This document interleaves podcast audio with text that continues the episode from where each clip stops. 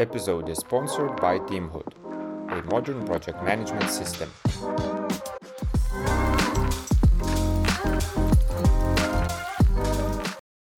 Hello everyone, we're back on the Agile Couch in the Agile Day Kaunas 2023 and now we have Nancy here Yeah. visiting us just Yes. after lunch. Just after- I was like, "Oh, this sofa feels so good," but yeah, um, um, and so nice weather outside as well. oh yes. That helps. Yes, yes, absolutely. Playing some games, yeah. uh, games. This is partly about what we're gonna talk about, right? Having fun playing games and Yeah. work. Um, but uh, let's start with uh, generally the conference, the event so far. How are you feeling it? How is the impression? Uh, well, the organizers are doing a great job, I think. Uh, it's, um, um, I mean, I just love open space yeah. uh, because all magic happens all the time, and Yeah. you hear new, uh, new ideas, new uh, insights, and uh, uh, especially new people. Right? Yeah. It's always uh, that's that's the main goal of any conference is is is curious people who come here to learn and to interact with each other. So yeah, Yeah, and and the format just sort of uh, pushes you to do that, Yeah. right? To to talk to each other, different people, and Mhm. different uh, different times time slots and so on. yeah. Uh, all right. Um, but uh, you're not only here for open space. No. Um, you, you're gonna uh, do some magic and uh, give us give uh, an amazing workshop. Um, Yeah. And it's uh, based around gamification about Yeah. games Yeah. within the context of a teamwork. Yeah, or I- maybe you can give more in- insights. What Well, also uh, for now, I chose uh, um, uh, to give some insights on how to use games in an agile setting. Mm-hmm. So uh, I've prepared. I have a, uh, a workshop that it's that's a bit theory and a lot of games, of course. so uh, I will give uh, some scientific backgrounds on why gamification and playing helps. Uh, in creating amazing products, in uh, um, um, uh, connecting teams to each other. So um, I have made a bouquet of, of different games that you can use for product owners, for stakeholders, for Scrum Masters, for Agile coaches. So it's it's all um, Agile um, themed games that you can use in an Agile setting. So hopefully it's it's um, uh, low key enough that everybody in the workshop can really take it away and use it tomorrow. Right? That's Yeah. the aim All right. and that it, that it's really practical, uh, uh, but also really interactive. Because I'm at the end of the day, so uh, it needs to be interactive. It needs to be interactive in any time of the day, actually. But yeah. um, yeah, so it's it's a lot of serious games because I'm that serious about gaming and playing. Yeah. Um, Of course, we tend to think that it's a lot about fun and happiness. Mhm. Um, but the thing is, what I've learned is that gaming and playing is also a lot about frustration.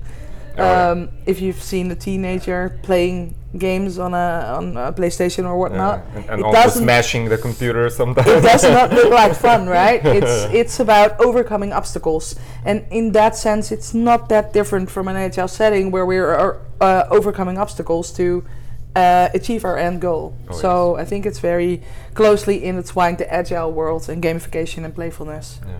But gamification itself, as much as I were into that topic uh, at some point, right? It's it's not the same as games, right? It's not you, you, you shouldn't put like an equal sign here. It's uh, it's it's There much are- more to it. Uh, but Yeah, there are different. Um, the distinction that I like to make, and it's it's not textbook perfect, Yeah. but at least it's something. Is that uh, gamification is that you use uh, uh, formats from games like earning badges or things like that to uh, to make something that is maybe a bit boring more challenging. Uh, and um, uh, I also use the term playification, and that is that I use play to explain, uh, share knowledge, uh, connect people with each other. So uh, um, that it, that the the, uh, the playing itself has an educational goal. Mhm. Uh, so I uh, play a game to explain what technical depth uh, does to a product. Okay. And while playing the game, you really feel what it does to a product if you don't solve technical depth, for Oh, instance. yes. Or um, what does DevOps means, or what does change do to you as a person? So all the emotions that come with that, because um, one of the games that I'm playing, spoiler alert, I don't know if you're coming, is a change game where I ask people to change th- something about their, themselves.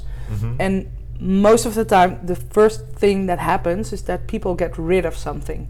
So they take off a shoe, they take off their watch, they take off their glasses or the wedding ring, or I don't know.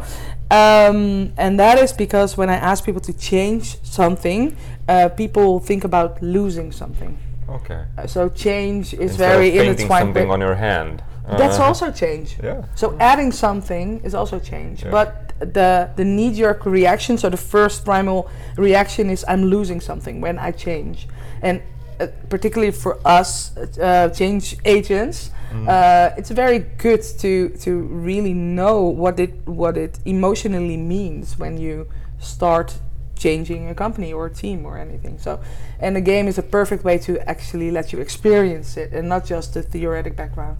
Yeah. Okay. Okay. Sounds really interesting. I'm now uh, really hope I can make it to the to the workshop. I know Mm. it's fully booked, popular, but uh, but maybe I can squeeze in somehow. Luckily. All right. Um, okay. So yes, playing games. You know, having fun, introducing game mechanics to overcome serious uh, challenges, issues, uh, daily things that uh, that you might have. Um, you know, you've probably been using it for some time. Seven years, I Yeah. guess. Yeah. Any any stories you can tell where that that helped like to create some like real magic, right? Or uh, Um, I played with a with a C level management team um, where I played this game, and it's it's about solving a puzzle, and um, everybody gets pieces of those of this puzzle, and they have to solve it with each other by talking to each other, so communicating uh, to to get the puzzle in the right order. They don't know what the right order is. yeah. Um, so they have to talk to each other while explaining what's on their picture. It's a line of pictures, and they have to put the pictures in the right order. So um, there was this one guy. He was shouting, "I have pigs! I have pigs!" because that was that was on his drawing. And by that, when I did the debrief, um, the debrief is actually the most important part Oh, of yes. serious gaming. Um, because that is where the real lessons are being learned. Mhm. A game is always m- my good friends from the serious gamers. Eddie Eddie Bruin always says um, uh, uh, a, a game, a serious game, is just an excuse to have a proper debrief, and I think I think he's ac- absolutely spot on with that. Um, but this guy was just shouting about his pics on his picture, and afterwards I asked the, the group of people like, okay, so what did you notice? What happened? What's um, and then they told this guy like uh, this is actually what you do th- because this was the big boss Mhm. the end boss and he was like this is what you do you you sc- you are screaming about what your vision is and what y- where you want to go and what you have and the insights that you have but you forgot to listen to us and that's why we couldn't solve this part of the puzzle because you were so busy with your own little part of this that you forgot to listen to us Nice. and I spoke to this guy one and a half years later, um, just to check in on uh, and figure out how he was doing. And he said, "Did you know, Nancy, that pigs became a signal word be- within our company?" And we still talk about that session. And he says, when I'm when I'm just uh, moving ahead of myself too much, or someone just shouts "pigs," and then I oh okay sorry I will listen to you now. so the effect that you can have also in the longer run while Yeah. playing a game like this because it's it's like a looking glass on a group of people. Uh, People will show their natural behavior, Yeah. and that's also uh, most of the time the way they behave in their day-to-day work as well. All right. Yeah, that's amazing. Uh, really a great story. Uh, would you say that um, what it re- requires to actually, you know, start playing? Does that require some sort of a maturity? If that's a very serious company we're talking about, you know, uh, th- don't want to use any archetypes here of, the- of the companies, but very classical corporate, Yeah. right? Uh, with every everyone with a tie, and I Uh-huh. mean, let's make serious session, not play games here. Yeah. Um, Could they use it?